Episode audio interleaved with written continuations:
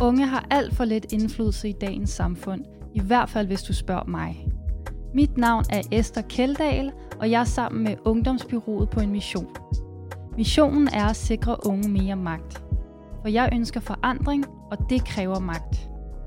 Derfor vil jeg undersøge begrebet ud fra forskellige vinkler.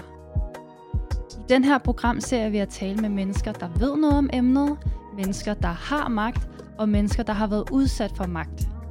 Alt sammen for at finde ud af, hvordan vi unge kan få mere magt i samfundet. Min gæst i dag er Christoph Ellerskov, som er medforfatter på bogen Magteliten, og øh, har kortlagt, hvordan magt er bundet sammen af netværk i Danmark. Men øh, udover Christoph har jeg også min producer, Gunvor Tarp Barkhold, med mig her i studiet. Og øh, du arbejder til daglig i Ungdomsbyrået. Det gør jeg nemlig, og jeg synes, det er så fedt at være i gang, og jeg er så glad for, at vi er på den her mission sammen om at skulle skabe noget mere ungdomsmagt. Men hvorfor er det her med ungdomsmagt så vigtigt for dig, Esther?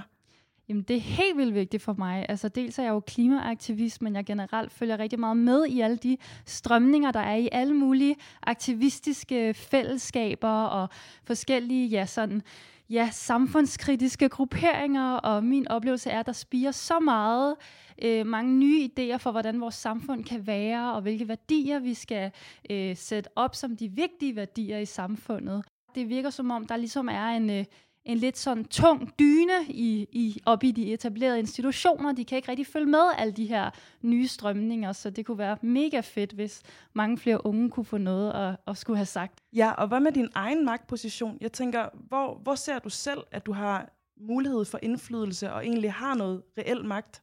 For det første, så lytter folk generelt rigtig meget, når jeg taler, når jeg åbner munden og taler om klimakrise og klimaaktivisme. Og så er jeg jo så heldig, at øh, jeg er ude og holde øh, foredrag på en masse uddannelsesinstitutioner, hvor der jo simpelthen sidder en masse unge mennesker og, og lytter på mig, når jeg taler om den her vigtige sag. Så det synes jeg er en stor magt.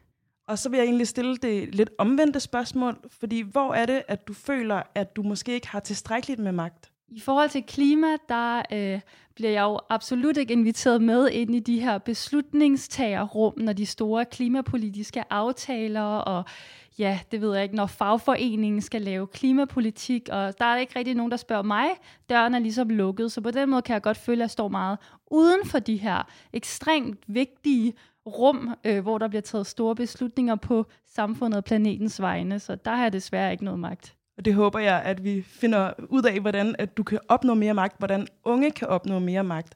Og til at hjælpe os med det, der har vi jo blandt andet fået besøg af Christoph Ellersgaard i dag, som har været med til at skrive den her bog Magteliten. Og øh, han skal gøre os meget klogere på, hvordan de her netværk hænger sammen. Velkommen til dig, Christoph Ellersgaard. Tak. Christoph, du øh, forsker i Eline-netværk ved CBS, og øh, så er du medforfatter til den her bog, Magteliten fra 2015. Og du har også været med til at skrive nogle øh, efterfølger til bogen, blandt andet en fra 2019, som I har kaldt Personer forgår, magten består. Og øh, jeg er jo på den her mission med Ungdomsbyrået, hvor jeg skal sikre ungdom mere magt. Så det er jo meget spændende for mig, hvad I har fundet ud af. Allerførst vil jeg gerne spørge dig, øh, hvem skal jeg kende for at få magt i samfundet? Du skal jo kende nogle af dem, som andre med magt også synes er vigtige, og, som, og dem kan man for eksempel finde ved at se, hvem er det, der sidder sammen de vigtige steder. Så nogle gode steder at starte, det var nogle toperhvervsledere for de største virksomheder. Øh, måske også nogle fra øh, erhvervslivets interesseorganisationer, sådan en som den administrerende direktør i, i Dansk Industri. Nogle af de andre folk, der kunne være vigtige at kende, det er selvfølgelig øh, nogle toppolitikere, nogle topembedsmænd, øh, nogle fagforeningsledere, og så måske også nogle folk fra universitetsverdenen, måske særligt nogle økonomer.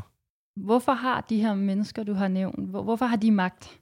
Det, der er opstået i Danmark, det er sådan en, en, en form for kompromis mellem forskellige elitegrupper, hvor man ligesom har etableret sig fundet en måde at leve sammen på. Så man kan sige, det er nogle folk, der repræsenterer forskellige former for magt, men som tilsammen har hvad man siger, fundet en måde, hvor de sikrer deres organisationers magt. Og det er så det her, kan man sige, kompromis mellem det store erhvervsliv, politikerne, øh, fagbevægelsen, nogle folk i, i, i universitetsverdenen, og nogle, nogle topembedsmænd, som virkelig, hvad kan man sige, hver gang der skal træffes en beslutning, så ringer de til hinanden, eller snakker med hinanden, eller i hvert fald tænker på hinanden, og også ligesom tager hinandens behov med i betragtning.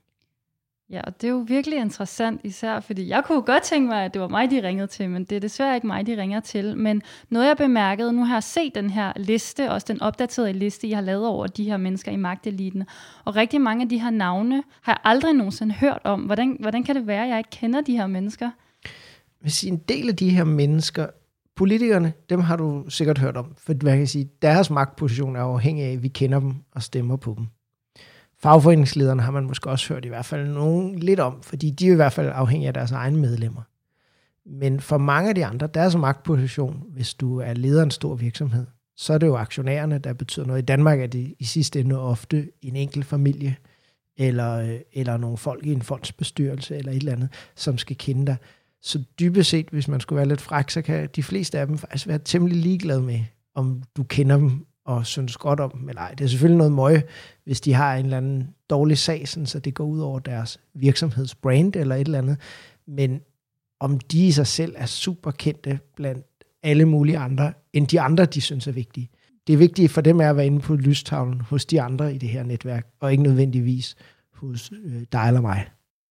Øhm, her sådan helt kort kunne godt tænke mig, at du øhm, siger sådan, i forhold til vores mission på programmet, at vi gerne vil sikre unge mere magt, så vil vi jo gerne ligesom have rigtig godt styr på, hvad er magt. Så kan du sige sådan tre korte ting om, hvad, hvad skal jeg vide om magt?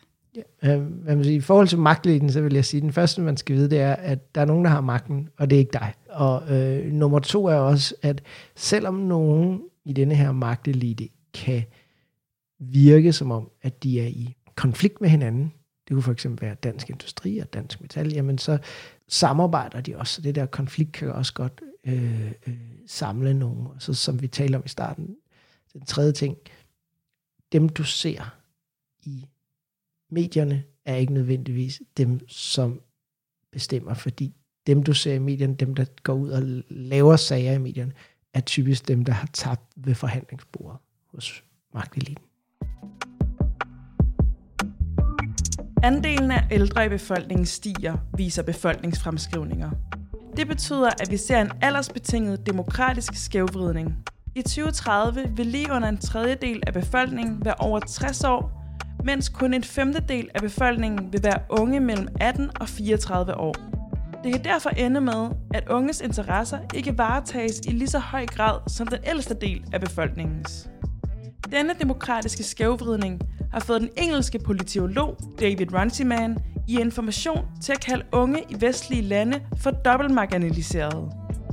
Unge har nemlig historisk set været politisk underrepræsenteret, og nu er de også i undertal i forhold til den ældste del af befolkningen.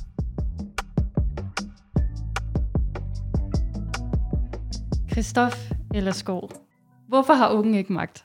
Unge har jo ikke magt, fordi de ikke øh, leder nogle af de her øh, store organisationer, og måske også endnu vigtigere, fordi de ikke har organiseret sig.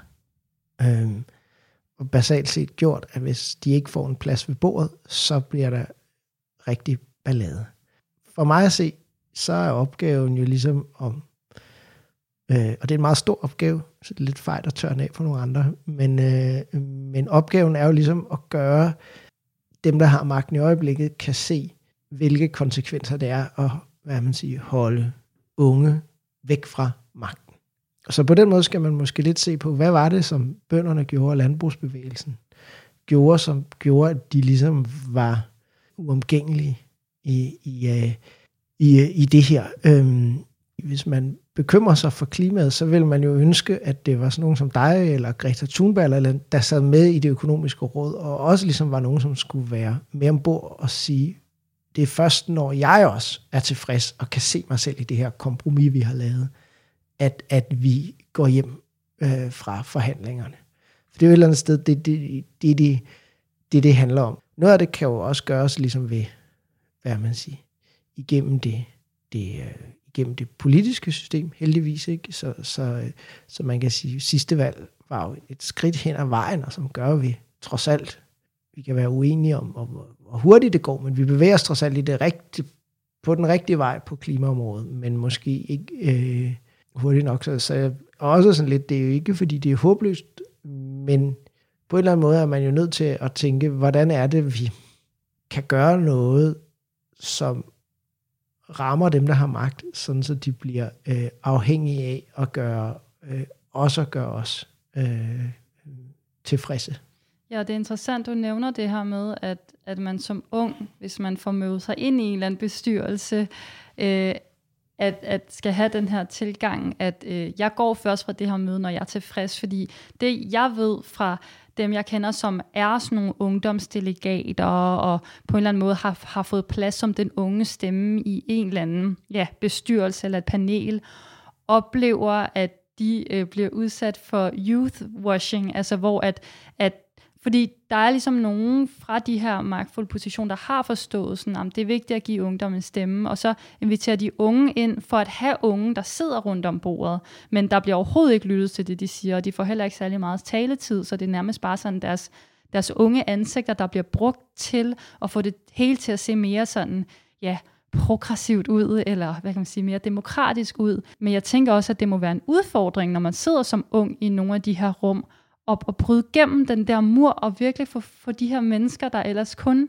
måske tager andre folk, der er fuldstændig ligesom dem, og med samme baggrund og samme alder, med på råd, og få dem til rent faktisk at lytte til det, man siger, og tage det ind. Jeg ved ikke, om du kan svare på det, men det er i hvert fald noget, jeg har tænkt meget over, at når først man bevæger sig ind i de der spaces, så, så kan det virkelig være svært at få, få gennemslagskraft. Jamen, en af, man sige, en af problemerne her er jo også, at man bliver sådan en, hvis ikke det bliver den samme, der bliver sat igen, eller hvis ikke der er en eller anden form for organisatorisk forandring, hvor man også skal gå tilbage og sige, jeg skal jo også have det her godkendt af mit bagland. Så, så bliver det jo også netop meget, at så bliver man, kan man nemmere presse, og kan du ikke godt være med på det her? Er det ikke federe, at vi giver dig lidt, og så kan vi faktisk gøre det, end at vi slet ikke giver dig noget. Ikke? Så så kommer man den der, vil man jo komme i den situation, at man har muligheden for at i en eller anden aftale at fjerne investeringerne i, øh, i fracking eller et eller andet. så og det er jo et kæmpe fremskridt, så selvfølgelig vil man gerne sige ja til det, men, men så er man også ligesom spist af, medmindre man har et meget, meget vredt bagland, som, man, som ligesom siger, at vi, vi vil ikke acceptere mindre end øh, noget, som vi stoler på faktisk, for eksempel kan, kan bremse øh, øh klimaforandringerne. Så det er vigtigt at have et, et vredt bagland, eller i hvert fald et stort bagland af, af andre unge, der, der støtter op om en og følger med i de ting, man, øh, man så skal diskutere inde i de her øh, ja, magtfulde rum, og er klar til at skifte skifte en ud, hvis man bliver udmattet over at skulle kæmpe de kampe, som jeg kan forestille mig, der bliver kæmpet derinde. Jeg tror også, man skal huske, at, at for eksempel når fagbevægelsen engang, eller arbejderbevægelsen fik magt, så havde de et kæmpe politisk parti. De var utrolig mange mennesker. De var også i stand til, når de var utilfredse, at lukke produktionen ned og ramme arbejdsgiverne på penge. Eller sådan. Jeg tror måske også bare, man skal tænke, at der er nogen i denne her magtelite, man kan lave nogle alliancer med. Og nogle gange kan man også kigge efter, er der nogle interne konflikter. Lige nu er Vestas for eksempel forladt dansk industri, fordi de ikke synes, der, altså vindmølleproducenten, fordi de ikke synes, der skete nok. Så der er også en tegn på, at der er nogle erhvervsel, der godt kan se, okay, der kan være nogle gode idéer i og bevæge sig i en grøn retning, og nogle andre, der hænger i bremsen. Så man kan sige, at nogle gange kan man også være strategisk og sige, kan vi lave en alliance? Kan vi måske øh, lave en ny magtelite? Eller, lave noget, eller få nogen med ombord, eller puste til den konflikt, øh, der er. Øhm, det kan ligesom være den ene strategi, og den anden strategi kan være at sige, nu er vi simpelthen nødt til at ramme nogle folk på pengepunkten, eller på deres magt, på sådan en måde, så de er nødt til at tænke, hvordan kan de gøre os øh, øh, tilfredse. Og det kan jo, man jo gøre på, på alle mulige måder, men grundlæggende er jo ikke nogen, der afgiver deres magt, hvis man bare kommer og spørger dem. Det kræver ligesom, hvis man skal have en plads ved det der bord et eller andet sted, man skal være klar til at, øh, og få smidt nogle andre væk. Øh, så, så, så, så det kommer jo ikke til at ske, uden at man tør tage nogle konflikter. Så man kan ligesom enten vælge at bruge del- og hersk-strategi, eller i hvert fald sådan elementer af det, og ligesom puse lidt til ind i nogle konflikter, øh, der allerede er internt i magteliten, eller, eller måske som man da kan læse om i, i børsen, hvis man holder den avis, eller ligesom prøve at, at se, om man kan ja, ramme dem på pengepungen, eller på, på pengestrømmene i virkeligheden, på de, de, de ting, der opretholder de folks magt, som er i magteliten. Øhm, jeg kommer til at tænke på her for nylig, at der er en, der er en kampagne i, øh, i, i Storbritannien, der hedder Stop Cambo, hvor at, øh, en skotsk klimaaktivist, som jeg øh, er meget stor fan af, der hedder Lauren McDonald, var op her for nylig til sådan en TED-talk, øh, hvor det var faktisk et bæredygtighedspanel, hvor de havde inviteret Shells CEO, øhm, en hollandsk mand, meget, meget, meget, meget magtfuld mand. Og man kan se den her video på YouTube, hvor at hun så endelig får ordet, og så øh, siger hun bare til ham, at du er simpelthen et af de ondeste mennesker. Hvordan fanden kan det være, at I vil finansiere det her nye, den her nye olieboreplatform ude for, for den skotske kyst, som er mit øh, hjemland, og øh, bare fortælle om alle de forfærdelige ting, Shell har lavet og øh, ja, ender med faktisk at bare sådan storme af scenen, fordi hun kan slet ikke klare at være ved siden af ham, og hun græder også lidt, og der fik hun at vide efterfølgende af nogle lidt ældre kvinder, at det var dumt, at hun ligesom var så følelsesmæssigt oprevet, fordi det fik hende til at se mindre troværdig ud. Men det, der nu er sket, er, at Shell har faktisk trukket deres støtte til det her nye øh, olieboreplatform-projekt, Cambo, fordi de har sagt, det kan ikke klare, det kan ikke... Øh, svare sig økonomisk, har de sagt. Det er deres officielle grund. Men de mener jo, at den kampagne, hun er med i, at det i meget høj grad er, fordi de virkelig har, har sådan simpelthen shamed dem foran hele, øh, foran hele verden. Altså, og jeg, jeg tror jo også noget her, det vigtige er, at man ligesom bruger som, altså, så mange strategier som muligt. Så det her med at lave, om man vil øh, gå ind og puste til konflikter, der er, eller gøre sig selv stærkere, øh, som organisation, er jo ikke et enten eller. Det er sådan set et både og.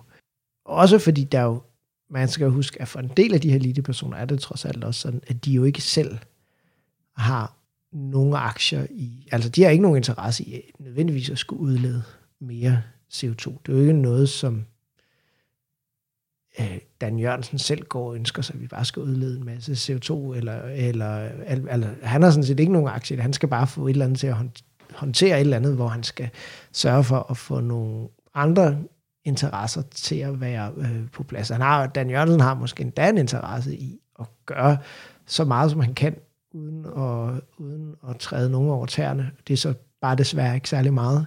Nej, øh, det er jo nemlig det spørgsmål, når det netop er klima eller alle mulige andre sådan uretfærdighedskampe, er det måske svært at få noget igennem, hvis man er bange for at gøre nogen vrede, fordi der er jo netop nogen, der er investeret i, eller sådan, hvis magt er betinget af, at tingene ikke ændrer sig, som du også nævnte i starten. Og de vil jo blive vrede og irriteret, hvis man prøver at ændre tingene, så man skal måske bare ikke være så bange for konflikter. Jeg er i hvert fald øh, kommet frem til her, sådan, efter jeg har tænkt mere over det. Men, det, ja, det er jo klart, altså olieindustrien er jo svært ligesom at, at finde en plads til i en verden, hvor vi skal stoppe nu med at brænde fossile brændstoffer af. Så det er klart, at så er man jo nødt til at fortælle dem, der arbejder i olieindustrien, at I skal finde noget andet at lave. Øh, og det er jo både for dem, der er i toppen og og det er jo selvfølgelig, det skal man finde en, en, en god måde at gøre det på, men, men det er selvfølgelig nedtur for dem, der er i olieindustrien, eller sådan, det, er jo, det kan der jo ikke, eller sådan, det kan man jo sagtens sætte sig ind i, men så, ja, så jeg tror ligesom også, jeg tror måske også, man skal ikke være så bange for Altså, man kan ikke gøre det her, uden at, øh, uden at komme til at træde nogle over tæerne.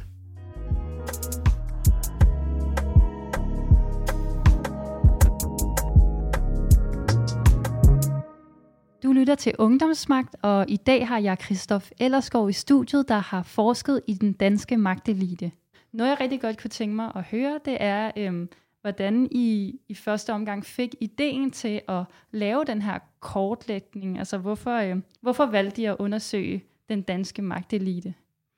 Øh, jeg tror, der var to grunde. For det første, så havde, jeg tror et eller andet sted grundlæggende, lidt ligesom dig, så startede med et spørgsmål om, hvem er det egentlig, der har magten? Os forfattere var øh, oprindeligt sociologer, og det var ligesom, det virker som et oplagt spørgsmål, som samfundsvidenskab skal kunne svare på og sådan set også skal kunne give ligesom almindelige mennesker et relativt sådan både et kort, det er selvfølgelig et kompliceret spørgsmål, men vi skal også kunne give et svar. Og de svar, vi ligesom kunne finde, hvis man var, vi synes, vi ikke var særlig enten øh, dygtigt lavet, eller særlig klare. Så det var i virkeligheden sådan et forsøg på at sige, at vi må prøve at se, om vi kan komme med et bud på det. Øh, og det er selvfølgelig, man kan sige, som alt, hvis man gør det i, i hvad man siger, praksis, bliver det jo ikke et perfekt bud. Men, men det var ligesom en ambition om at sige, at vi må prøve at komme med et bud på, hvem har magten? For vi var også i en situation, da vi startede det her for 10-12 år siden, at der var ligesom snak om, for det første, er der overhovedet en magtelite? Er der nogen, der er forbundet på tværs? Det vidste vi ikke rigtigt på det tidspunkt. Og der var alt muligt snak om sådan en kulturelite og sådan en trekanten mellem politikken og Gyldendal og Danmarks Radio, som skulle have, eller skulle have en masse magt. Eller, så der var alle mulige, der ligesom synes der var nogle andre, der var eliten eller havde magten. Øh, og på den måde så tænkte vi, at vi må prøve at kunne komme et eller andet bud på det her, som heller ikke bare skal være baseret på vores mavefornemmelser. Så vi har også brugt virkelig lang tid på at både udvikle en metode og også på en eller anden måde samle noget data ind, der gør, at vi faktisk kan prøve at lave sådan en liste og sige, det er en, hvis der er nogle mennesker, så er det cirka så mange her. Det er cirka 400 mennesker inde i kernen af sådan et netværk. Og det er cirka fra de her mennesker, de, de her organisationer. Og så kan vi jo så også sige, hvordan er de så forskellige fra resten af befolkningen. Og var I overrasket over nogle af de ting, I fandt ud af i forhold til, hvad, hvilken viden der ligesom var øh, på det tidspunkt, I gik i gang? Både ja og nej, eller det er lidt svært, fordi at jeg tror, en af de ting, der sådan helt inden vi startede, havde vi nok ikke regnet med, at nogle, nogle folk fra fagbevægelsen havde for eksempel havde stået så stærkt, som, som de gjorde. Øhm, øh, så, så der er masser af ting, vi er blevet klogere på. Problemet var også, at vi sad et år ligesom, og samlede alt det data, vi skulle bruge. Så på den måde havde vi jo, hvad man siger, foran, vi havde en ret god fornemmelse af, hvad vi ville finde ud af, da vi så begyndte faktisk at analysere det. Så, så på den måde, så kan man sige, det var ikke sådan noget, der kom som sådan lyn fra en klar himmel, fordi vi havde siddet og samlet ind, hvor de her mennesker sad og kunne se for eksempel, at, at formanden for den fagforening, der hedder Dansk Metal, han sad alle steder. Så derfor var det jo ikke vildt overraskende for os, at han så var vigtig i analysen bagefter, fordi vi havde stødt på ham nærmest hver eneste gang, vi åbnede et, et vigtigt, en vigtig kommission, eller en vigtig bestyrelse, eller et eller andet, der optrådte han altid sammen med nogle andre vigtige mennesker. Så hvis jeg skulle sige, vi blev faktisk måske mest overrasket over, at universitetsverdenen faktisk var en del af det her. Jeg troede lidt mere, altså fordi jeg havde lidt tænkt, vi var nok lidt ligesom sundhedsvæsenet eller et eller andet andet, som ligesom var noget, man lød passe sig selv. Men der er en ret stor interesse i uddannelse og, og forskning. Men, men man kan sige, de forskere er der, er der så næsten alle sammen sådan ret klassiske økonomer. Der er jo Catherine Richardson er faktisk med, men ellers er der jo ikke super mange sådan folk, der går op i klima eller forsker i humaniora, eller sådan set heller ikke rigtig naturvidenskab, en lille smule sådan noget ingeniør, teknisk videnskab. Det kommer også lidt bag på os. Okay, så humaniora er helt klart underrepræsenteret i den her, øh, den her forskningsverden, delen af forskningsverden, der har magt, lyder det lidt til. Ja, de er der simpelthen ikke. Så. Okay, ja, så ja, de er simpelthen ikke repræsenteret. Øh, det var lidt ærgerligt, så tyder det i hvert fald på, at jeg måske har valgt den forkerte uddannelse, når jeg har filosofi øh, som baggrund. Øhm, noget jeg også kunne tænke mig at høre dig om, det er, at øh, ja, Berlingske og Børsen, de laver jo øh, nogle gange sådan nogle opgørelser over, hvem er de mest øh, magtfulde mennesker i samfundet. Hvordan øh, adskiller jeres øh, metode til at finde frem til de her mennesker øh, sig fra Børsen og Berlingskes metode? For du nævner det her med, at I har lavet et stort analysearbejde. Man kan sige, når man laver Børsen og Berlingske det, så spørger man basalt set andre folk, hvem tror I er magtfuld? Så man benytter ligesom folks ry. Og det kan sådan set også, hvad man siger, være effektivt. Øh, problemet kan lidt være ved det, at det afhænger jo meget af, hvem man spørger, og hvem man ser. Så hvis ikke folk lige sidder på et eller andet område, så altså, det kræver, at der er nogen, der har et meget, meget stort overblik, man spørger. Og derfor kommer det meget hurtigt hen, også på det, der har man sige, mediebevågenhed interesse, nemlig det, hvad man siger, det politiske system. Så den der lidt mere stille magt forsvinder ud. Så kan man også sige, at der er en anden ting, som også har lidt at gøre med hvad man siger, de der influencer, eller folk, der følger i medierne, eller det er jo også, at den form for magt, som denne her magtelite har, det er jo netop, at de kan øh, handle sammen, eller de kan finde et, et, et, et, et fælles kompromis, og på den måde er det en gruppe mennesker, der til sammen er magtfulde. Hvis en af dem lige pludselig beslutter for at gøre et eller andet helt skørt, så har de, den person jo ikke specielt meget magt. Derfor kan de også godt selv lide, når jeg har interviewet en masse af dem, at sige, jeg har ikke magt, jeg har indflydelse. Fordi det føles ikke som magt, fordi man er afhængig af også at få de andre med ombord. Og derfor kan der godt være nogen uden for denne her gruppe, som også har nogle andre former for magt. Men de former for magt er netop så kendetegnet ved ikke at kunne få andre med ombord. Eller i hvert fald ikke kunne få andre magtfulde med ombord. Så influenceren eller andre folk, der ligesom øh, har en stor bevågenhed, kan muligvis godt forandre noget, eller få os til at snakke om noget på en anden måde. Måske det bedste eksempel, der kunne være, når Sofie Linde sagde, at ligesom genoplevede det her MeToo. Det havde jo selvfølgelig, hvad man siger, en, en betydning, men det får først rigtig en effekt, når de her magtelite folk, hvad man siger, finder ud af, hvad man vil gøre ved det. Øhm, der var selvfølgelig nogle enkelte af dem, der ligesom, det, der kostede, det kostede jobbet for, men, øh, men så tager man jo bare den næste i rækken ind. Øh, øh, så, øh, så, så der er også sådan en forskel på, at den form for magt, man har, og som er også en magt, som, som, som du har som aktivist, og en derfra, hvor man jo godt kan, kan forandre noget, men den form for magt, de her mennesker har, er, at andre hele tiden skal tage dem med i mellemregningerne, når de ændrer på et eller andet. Og det er så også det, som sådan noget som Berlingske Børsen jo også måske lidt mere er, jamen er man god til at få opmærksomhed. Og så den der stille magt, som også handler om at bevare ting, som de var før, den glider ligesom lidt under radaren. Det er også den, vi ser jo ikke alt det, som bliver ved med at være, ligesom det var i går, og som gavner nogle bestemte personers øh, eller organisationers interesse. Det ser vi jo ikke som magt, fordi det er bare evnen til at fastholde ting, som de var.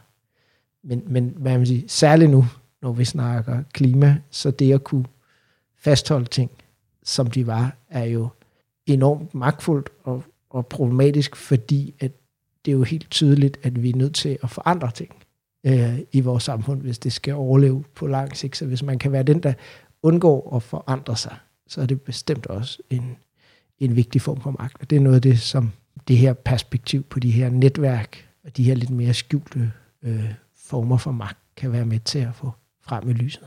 Ja, det er jo interessant det der med, at det at ligesom stå fast, eller holde, holde ting fast, som de altid har været, at det kan jo være for den, der, der sørger for, at, at, at, at tingene ikke rykker sig, jo så ikke rigtig oplever det som en magt, fordi man ikke ændrer noget, men det at stå i vejen for ændring er også en kæmpe stor magt.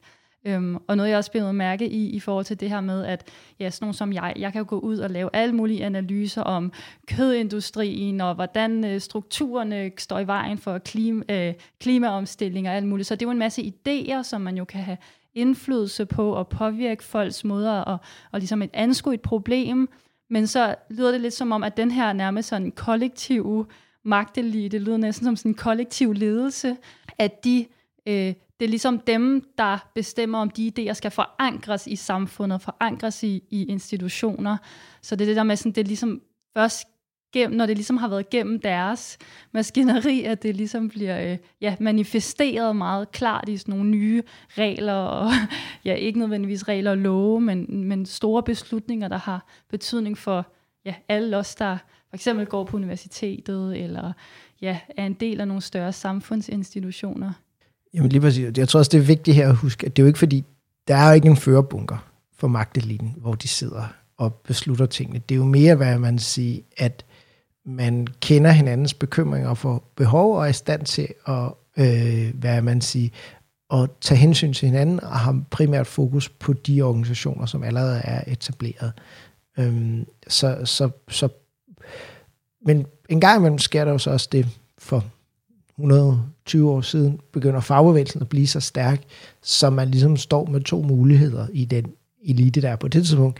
Enten så får man dem på en eller anden måde, finder en måde at leve sammen med dem på, eller også så kommer man til at være i sådan en konstant konfliktsituation, hvor at, øh, øh, man jo vil nærme sig en eller anden form for borgerkrigslignende tilstand, eller risikere en revolution. Og så er der sket det gradvist gennem ja, de sidste 100 år, fagbevægelsen er blevet en del af det her, og måske også har ændret rolle, sådan så at nu er de måske også så meget en del af det her, at de måske også har mistet lidt af den, hvad man siger, bevægelsesbase, de, de havde. Det er i hvert fald noget, det de, hvad man siger, selv bekymrer sig om lige nu, nu når de hvad man siger, bløder medlemmer, der er ikke så mange, der er medlemmer af en fagforening mere osv.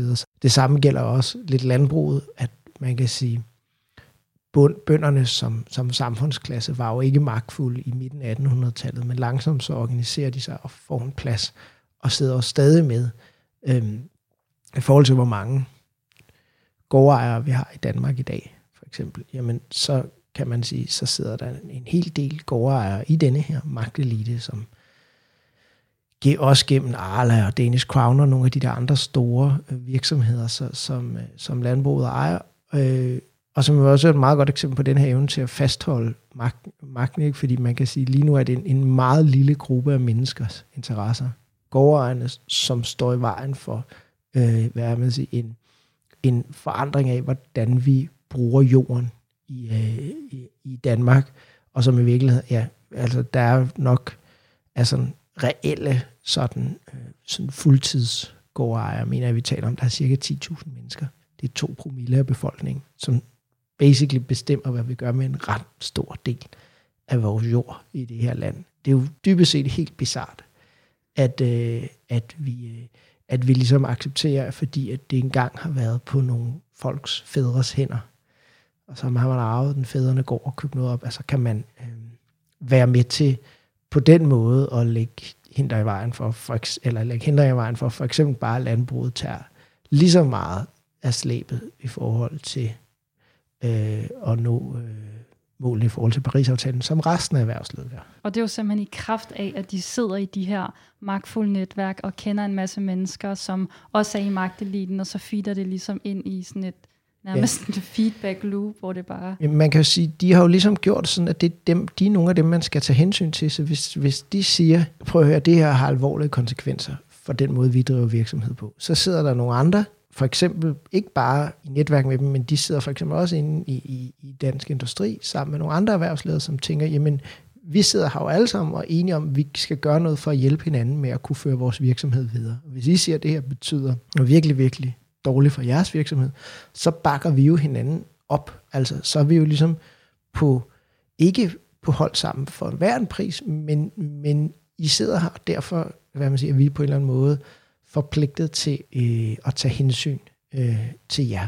Dybest set kan man sige, hvis man skulle tænke det på en anden måde, så man spørger, hvorfor gider resten af erhvervslivet at skulle gøre mere for at nå øh, klimamålene på bekostning af land, altså på bekostning af landbruget. Hvorfor er det, de ikke også bare siger, ved I hvad, venner, nu må I også til at, at hjælpe. Men der er der sådan, vi skal, vi skal ligesom, hvis man sidder de rigtige steder, så kan man ligesom få overvist, for at prøve at høre, det her, det vil have rigtig grælde konsekvenser for os, og derfor så kan man ligesom få, få nogen med på holdet. Hvor gamle er dem, der sidder på magten i Danmark egentlig? Fagforeningsleder i Dansk Metal, Claus Jensen, var i 2019 Danmarks mest magtfulde mand, ifølge forfatterne bag bogen Personer forgår, magten består. Han er i dag 57 år. Tal fra Folketinget viser desuden, at folketingsmedlemmer i gennemsnit var 46,2 år ved det seneste valg i 2019. Den yngste til det valg var den dengang 22-årige Aki Mathilda Høgh Dam fra det grønlandske parti Siumut. Nu kunne jeg godt tænke mig at lære lidt mere om, sådan, hvem, hvem er de her mennesker? Hvad, hvad kendetegner dem sådan rent demografisk set, de folk, der sidder i magteliten? Hvad, øh, ja, kan du give nogle sådan lidt generelle øh, pejlemærker? Vi plejer jo nogle gange at have sådan en myte om, at sådan en elite er fyldt med midalderne hvide mænd, og det er den også i Danmark. Det er cirka, eller det er 26 procent i den sidste analyse, vi lavede, der er kvinder. Det var faktisk gået op fra 19 procent fem år før, så der kommer flere kvinder ind. Men det går jo ikke super hurtigt øh, stadig. Og det, der især var sket, det var ligesom, at, at erhvervslivet var gået fra slet ikke at have nogen kvinder, eller meget få kvinder, til at have lidt flere. Og det er ligesom blevet mindre okay at have de her all-male panels, hvor man kun har bestyrelser kun med mænd. Men, men som sagt, mest mænd, men der går du dog lidt fremad. Så er det jo også øh, øh, hvide. Der er sådan set ikke øh, nogen i magteliten, der har anden etnisk herkomst end dansk, øh, og har ikke vestlig baggrund. Det synes jeg jo, der er sådan et lidt overset integrationsproblem, at vi faktisk kan sige, der er faktisk, når vi kigger på magtfulde poster i vores samfund, udover der har været et par enkelte øh, mere eller mindre succesfulde øh, politikere, så er der faktisk ingen topchefer, ingen departementchefer, ingen fagforeningsledere, ingen topfolk på universiteterne, som øh, har ikke-vestlig baggrund. Så der er jo ikke nogen øh, øh, rollemodeller her. Altså hvis vi snakker om integrationsproblemer, så har magteliten været helt utroligt dårlig til at integrere folk. Så der kan man virkelig tale om det hvide overherredømme? Det kan man. Man kan sige, ligegyldigt hvad vi skriver på befolkningssammensætning i Danmark, så vil hovedparten jo af magteliten, også hvis den var, var repræsentativ, jo være øh, øh, hvid. Men, men der er bestemt, øh, der er bestemt plads til øh, øh, forbedringer. Og måske mest relevant for, for jeres lytter, så er magteliten også helt utroligt midalderne. Øh, hvis man bruger det på sådan en måde, som folk, gamle folk godt kan lide at blive kaldt, der godt kan lide at blive kaldt midalderne, øh, er midalderne. Fordi jeg tror, at gennemsnitsalderen er 6-57 år, og næsten alle sammen er mellem 50 og, og 65. det, er, det, er, det er ret snævert. Man siger, der er nogle lidt yngre politikere, vores, vores statsminister for eksempel, så politik er et af de, det er en af de delelite, eller en af de felter, hvor man kan komme lidt hurtigere til tops. Øh, men ellers så er det altså folk, der er i hvert fald øh, på den anden side af, af 45. Og det hænger selvfølgelig delvis sammen med en anden fælles demografisk ting, de her elitefolk har, som måske er det allervigtigste, det er, at de alle sammen er eller har været ledere af store, vigtige organisationer. Øh, Udover de der økonomiprofessorer, jeg lige talte om før, så er det faktisk alle sammen folk, der ligesom har mange ansatte under sig. Det kan man sige, det er jo faktisk sådan et, et fællesskab, de her mennesker har. Så der er heller ikke nogen folk, der skriver noget, eller der er ikke nogen aktivister. Der er sådan set ikke nogen, der er der, bare fordi de er, øh, har nogle spændende meninger, eller velargumenterede meninger, eller et eller andet. Det er også folk, der ligesom skal have prøvet at sidde med, med hånden på kogepladen i forhold til, til ledelse. Og, og derfor kan man sige, for de fleste, det tager også nogle år ligesom at opnå de der positioner, så man, så man bliver leder. Så, øhm, så det ser ret skidt ud i forhold til vores mission ungdomsmagt, hvis vi gerne vil have flere unge ind i magteliten, ja. som det ser ud lige nu det, der, der, er, øh, der er bestemt øh, noget vej igen. Det understreger jo også et problem her, for det vil sige, at de med alle de mennesker, der sidder og træffer de her beslutninger, de er jo fra nogle bestemte generationer med nogle bestemte perspektiver på problemerne. Og en gang imellem så hiver man jo en ung ind i en af de her udvalg eller bestyrelser eller et eller andet. Ikke? Men der er ikke nogen, der får lov til at gå igen og være ungdommens stemme, for eksempel. Så, så, så alt i alt så er de sådan meget forskellige. Udover det her, så kan man også sige, udover altså, at det primært er mænd fra en bestemt generation med en bestemt etnisk baggrund, så ligner de også hinanden på endnu flere områder. Okay, det vil jeg gerne høre mere om. Vi snakker lidt om uddannelse før. Der er også øh, mere end halvdelen af dem er djøffer, og langt de fleste er eller en ret stor del af økonomer, særligt fra København Universitet, så det er jo også folk, der er trænet i at tænke på den samme måde. Ja. Der er næsten ingen, som vi snakker om, der er næsten ingen humanister. Der er heller ingen sociologer. Øh, øh, øh, der plejede at være lidt flere ingeniører, folk med naturvidenskabelig baggrund. De er faktisk også på vej ud. De er ikke alle sammen, der er akademikere faktisk, fordi der er for eksempel nogle fagforeningsledere. Men, men hvis man har taget en universitetsuddannelse, så skal man have taget en af de der djøf-uddannelser. Det vil altså være økonom, eller jurist, eller statskundskaber. Og, og er det økonomer fra Københavns Universitet primært? Ja, især dem, der ligesom, der, det er faktisk den allermest øh, almindelige uddannelse. Så det kan man sige, det er der, man lærer at tænke, som øh, mange i, i magteliten tænker. Det er jo meget interessant også fra et klimaperspektiv, fordi jeg har jo hørt, at på økonomistudiet på Københavns Universitet, der er det meget en bestemt tilgang til økonomi, der hersker den her neoliberale, øh, eller neoklassiske, kalder man det vist, øh, tilgang, som har, har meget positiv øh, øh, hvad kan man sige, forhåbning omkring, hvad markedskræfterne kan, kan ordne af, af samfundsproblemer. Og, øh, og i forhold til klimaomstilling, der kræver vi jo som klimaaktivister og som ung klimabevægelse, at der kommer meget mere styring på, faktisk mange flere politiske indgreb i de her frie markedskræfter. Der er jo simpelthen nogle, nogle produkter, altså såsom olie og så videre, der jo skal simpelthen fjernes fra markedet, fordi de jo simpelthen bare forurener helt vanvittigt meget. Øh, så, øh, så det, er jo, det er jo bare ret interessant, at det så er dem, der alligevel har stor tiltro til, at vi ikke behøver at gøre så meget ved markedskræfterne, som så sidder og rent faktisk har magt over samfundet. Det, man skal i hvert fald ligesom tænke over, hvad er det folk lærer på økonomi, for det er den måde, man skal tænke over og, og, og tale til øh, de her folk. udover at vi allerede har alle de her ting, de ligner hinanden, så kan man sige, at der er to andre ting. Det var spændende. For det første så sagde jeg det der med, at de var topledere, og mange af dem har også gjort karriere i de samme organisationer. Så det er i ret vid udstrækning, hvis du er embedsmand især, så har du været i Finansministeriet. Det er der også mange af dem interesseorganisationer, der har været tidligere. Så der er øh, super mange af dem, der har været ansat i Finansministeriet, og også mange af dem, der har været ansat i nogle af de store virksomheder, særligt sådan noget som Mærsk, er der mange, der har lært op i. Øhm, øh, og, øh, så, så det er også folk, der har været i de her organisationer og lært, hvordan man tænker i dem længe. For eksempel er der heller ikke særlig mange af de her magtlige folk, næsten ingen, som har startet deres egen virksomhed. Så også hele det der sådan, hvordan er det, eller bare har arbejdet, efter de blev færdige med deres uddannelse, på en folkeskole eller, eller en anden lille arbejdsplads, ved, hvordan ting er, når man starter noget op. Det, det er jo faktisk mange af dem, der aldrig har prøvet. Øh, så, så, så på den måde, så er det ligesom øh, nogle bestemte måder at, at tænke på.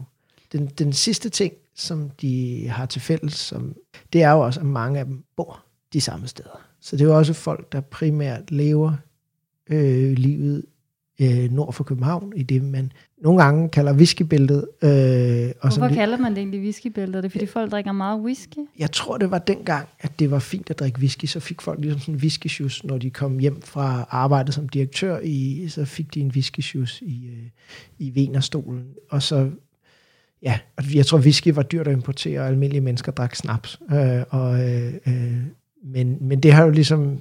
Øh, men det, det fortæller jo også, at folk ligesom lever i det samme univers, og går også ligesom, går til de samme ting, eller handler ind de samme steder, og, øh, og på den måde kan man samlet set sige, at, at denne her elite jo lever lidt i sådan en osteklokke, hvor man har karriere, der ikke ligner resten af befolkningen, man har nogle helt andre uddannelser, man omgås jo folk fra sin egen generation, og man bor de samme steder. Øh, så derfor så kan man sige, forståelsen for, hvad for nogle bekymringer der er, eller hvordan man kan tænke over andre løsninger, den bliver relativt mindre, simpelthen fordi man øh, kommer til at, at, at tænke på, på samme måde. Det er jo noget, vi ser alle mulige steder med netværk, at de venner, folk har, det man laver netværk med, typisk er nogen, der ligner en selv, når det kommer til for eksempel uddannelse og, og køn og politisk holdning og alt muligt andet. Problemet er bare, når det også er i denne her magtelite, så betyder det jo bare, at de her netværk også, hvad man siger, forstærker en bestemt gruppes Ja, og det er, jo, det, er jo, det er jo også igen ret ærgerligt fra ungdomsmagtsperspektivet, fordi at hvis de ikke rigtig har noget at gøre med unge mennesker, hvis de kun er sammen med folk i deres egen midaldrende ja, aldersgruppe, så, så er de måske heller ikke super sådan modtagelige over for alle de her idéer og tanker, jeg siger, der blomstrer i ungdommen. Det kommer måske aldrig rigtig derop. Øhm, noget jeg også blev mærke i, da jeg øh, faktisk lyttede til jeres bog, som man kan øh, lytte til på e-regionen, marked, øh, Magteliten, den store anbefaling, øh, var, at, at, at mange af de mennesker, der er i magteliten, også øh, selv er børn af direktører og børn af andre sådan, ja, meget magtfulde profiler i det danske samfund, så det ligesom er et, et højere luftlag, der hele tiden reproducerer sig selv. Jeg fik nærmest en følelse af, at det er sådan en stor, stor, tung dyne, som er meget stillestående i virkeligheden. Jeg, jeg, tænkte, jeg tænkte nærmest på sådan en gletscher. Nu er de jo desværre ved at, at smelte. Øhm, øh, dem, de rigtige gletscher, men den her gletscher er sådan en, der, der sådan smelter helt vildt langsomt, og så falder der noget sne op i toppen, og så bliver den ligesom bygget op, og så kører det i sådan helt vildt langsom flow, men på samme måde, som det har gjort i enormt mange år. Øhm, og det fik mig til at tænke over, at øh, jeg var tilbage, dengang jeg havde samfundsfag i gymnasiet. Der lærte jeg, at vi i Danmark har stor social mobilitet.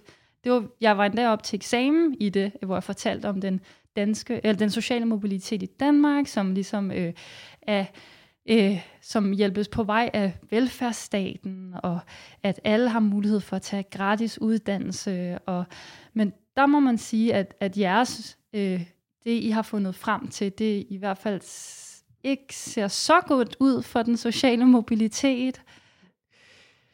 Ja, altså man kan sige, det, er jo, det, det var ikke fordi, det du lærte i folkeskolen var forkert. Vi har sammenlignet med andre lande relativt høj social mobilitet i Danmark. Der, øh, det der måske er, det er, Anders Fogh sagde jo en gang for mange år siden, dengang han var statsminister. Det skulle være nemmere at gå fra at være bistandsklient til at være bankdirektør, eller i hvert fald søn af en bistandsklient til at blive bankdirektør. Og lige præcis det har aldrig været særlig nemt i Danmark. Øh, fordi vi har relativt høj mobilitet, eller mere end i andre lande, hvis for eksempel dine forældre er håndværkere, og du bliver akademiker. Det er mere almindeligt i Danmark, end i næsten alle andre lande, vi kan sammenligne os med. Men når det kommer til at, ligesom at komme helt op i eliten, så er det svært. Det er det jo også i alle andre lande. Så man kan sige, der er noget, der tyder på, at nogle af de mekanismer, ligesom for at komme op til en, ikke bare en position i det, vi kunne kalde den øvre middelklasse, men at komme op til en position helt på samfundets top, at der er der ligesom nogle andre ting, der, der sætter ind. Og, og noget af det, vi for eksempel kan se, det er, jamen næsten en tredjedel af vores elitepersoner, de kommer selv fra den mest privilegerede procent. Så det vil sige, det er, det er mere end, end 30 gange så sandsynligt at komme ind i eliten, hvis ens forældre selv var øh, højt placeret. Hvis vi kigger på dem, som står omtalt i det, der hedder Kraksblå Bog, som er sådan en oversigt over de vigtigste danskere, så i forhold til alle andre, så har man altså 80 gange så stor chance for at blive en del af denne her magtelite. Hvis en forældre også er omtalt i den her Kraksblå Bog, det er meget, meget stor, det vi kalder chanceulighed. Ja. Øhm, så der er simpelthen nogle, der sker et eller andet på vejen helt til tops. Jo også fordi det er de her topposter, der skal måske ikke særlig meget til at, at, at sige derfra, fordi der er så mange kandidater, og så den der lille fordel, man, ekstra fordel, man kan have af at komme fra den rigtige baggrund, den, den, den giver bare en, en masse sku, små skub undervejs, som lige præcis øh, er det, der gør, at man klarer kottet, og de andre ikke gør det. Om det så er at kunne få det rigtige studiejob, eller om det er at, øh, at, øh, at vælge den rigtige organisation og gøre karriere i bagefter, eller lige når der er et eller andet, så vide, at man kan godt satse og tage en praktikplads, som er ulønnet, fordi man ens forældre ved godt, det er vigtigt, og, og kan låne en penge imens, og så videre. Ja, så der er ligesom en masse andre små ligesom møgetrækker og dynamikker, som, som afgør de tingene på, det, på den helt store klinge. Men det lyder lidt som om, at, at vi har social mobilitet i Danmark, men kun op til et vist punkt. Kun indtil man ligesom ja. når til den store, meget høje murstensmur, eller måske ja, betonmur, end den, der adskiller magteliten fra resten af samfundet. Den bliver i hvert fald meget mindre, og noget af det, vi særligt kan se, det er, hvis ens forældre var almindelige sådan, lønmodtagere, faglært og ufaglært arbejdere, som jo er, hvad man siger, mere end halvdelen af befolkningen, der har forældre med den baggrund. I hvert fald for, for den generation, vi ser på her. Det er kun 10 procent af magteliten, der har det, så, sådan cirka. Øh, så, øh, så, så, så for dem er der altså virkelig en lang vej til, øh, øh, til toppen. Så hvad man sige, alt i alt, så skal man, og det er jo så også med til at bevirke, at den her osteklokke måske bliver lidt, lidt, lidt stærkere om den her markelite, fordi at en relativt stor del af de her mennesker har jo også levet et liv med sådan en guldske eller en sølvske i munden, siden de blev født, så de har ikke der er en stor del af dem, der ikke ved, hvordan, at, øh, hvordan det er faktisk at skulle få enderne til at mødes sidst på måneden.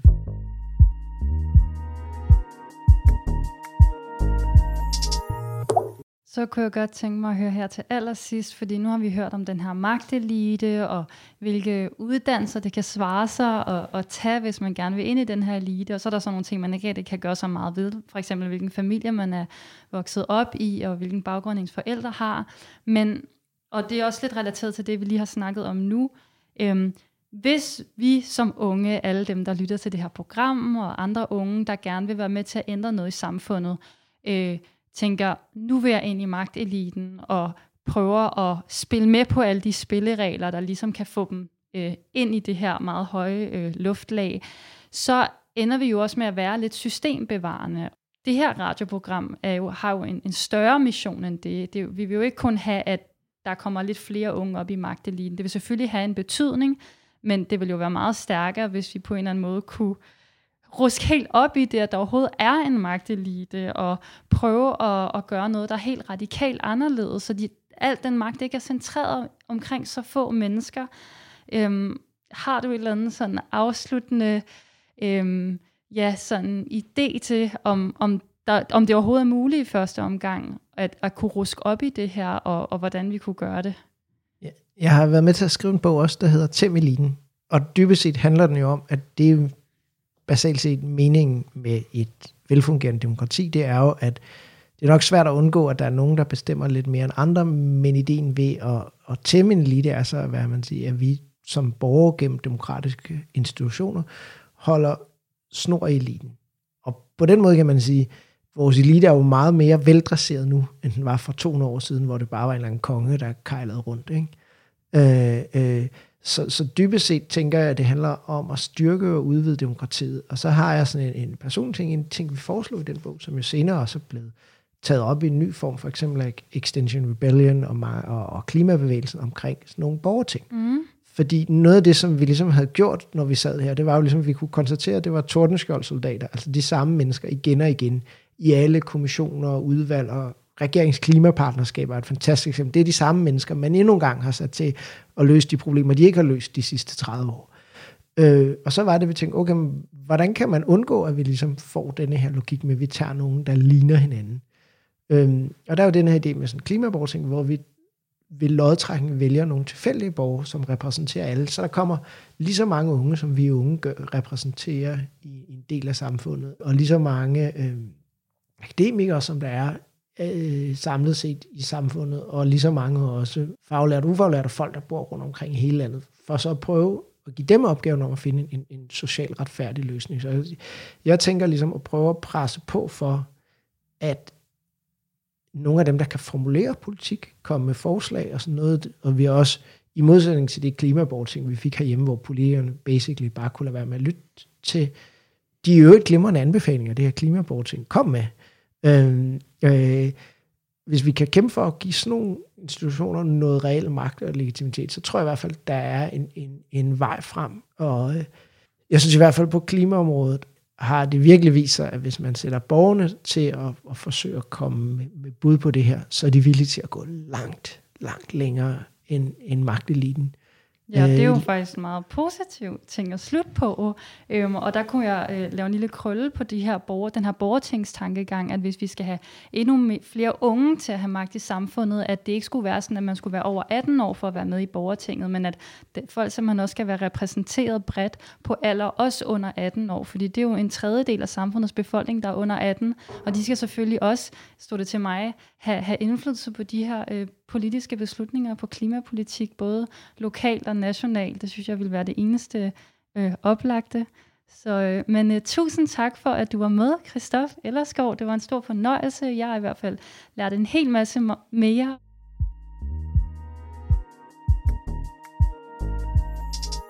Så magt er ikke nødvendigvis forbundet med opmærksomhed. Man kan sagtens have rigtig meget magt og få meget lidt opmærksomhed og der er virkelig meget brug for bredere repræsentation i den danske magtelite. Det gælder både unge, det gælder øh, alle mulige andre etniske minoriteter, og det gælder også andre køn end det mandlige cis-køn. Ungdomsmagt er tilbage igen i næste uge, samme dag, samme tidspunkt. Vi sender alle tirsdage fra 10 til 11 om aftenen, og så kan du selvfølgelig også finde vores afsnit som podcast.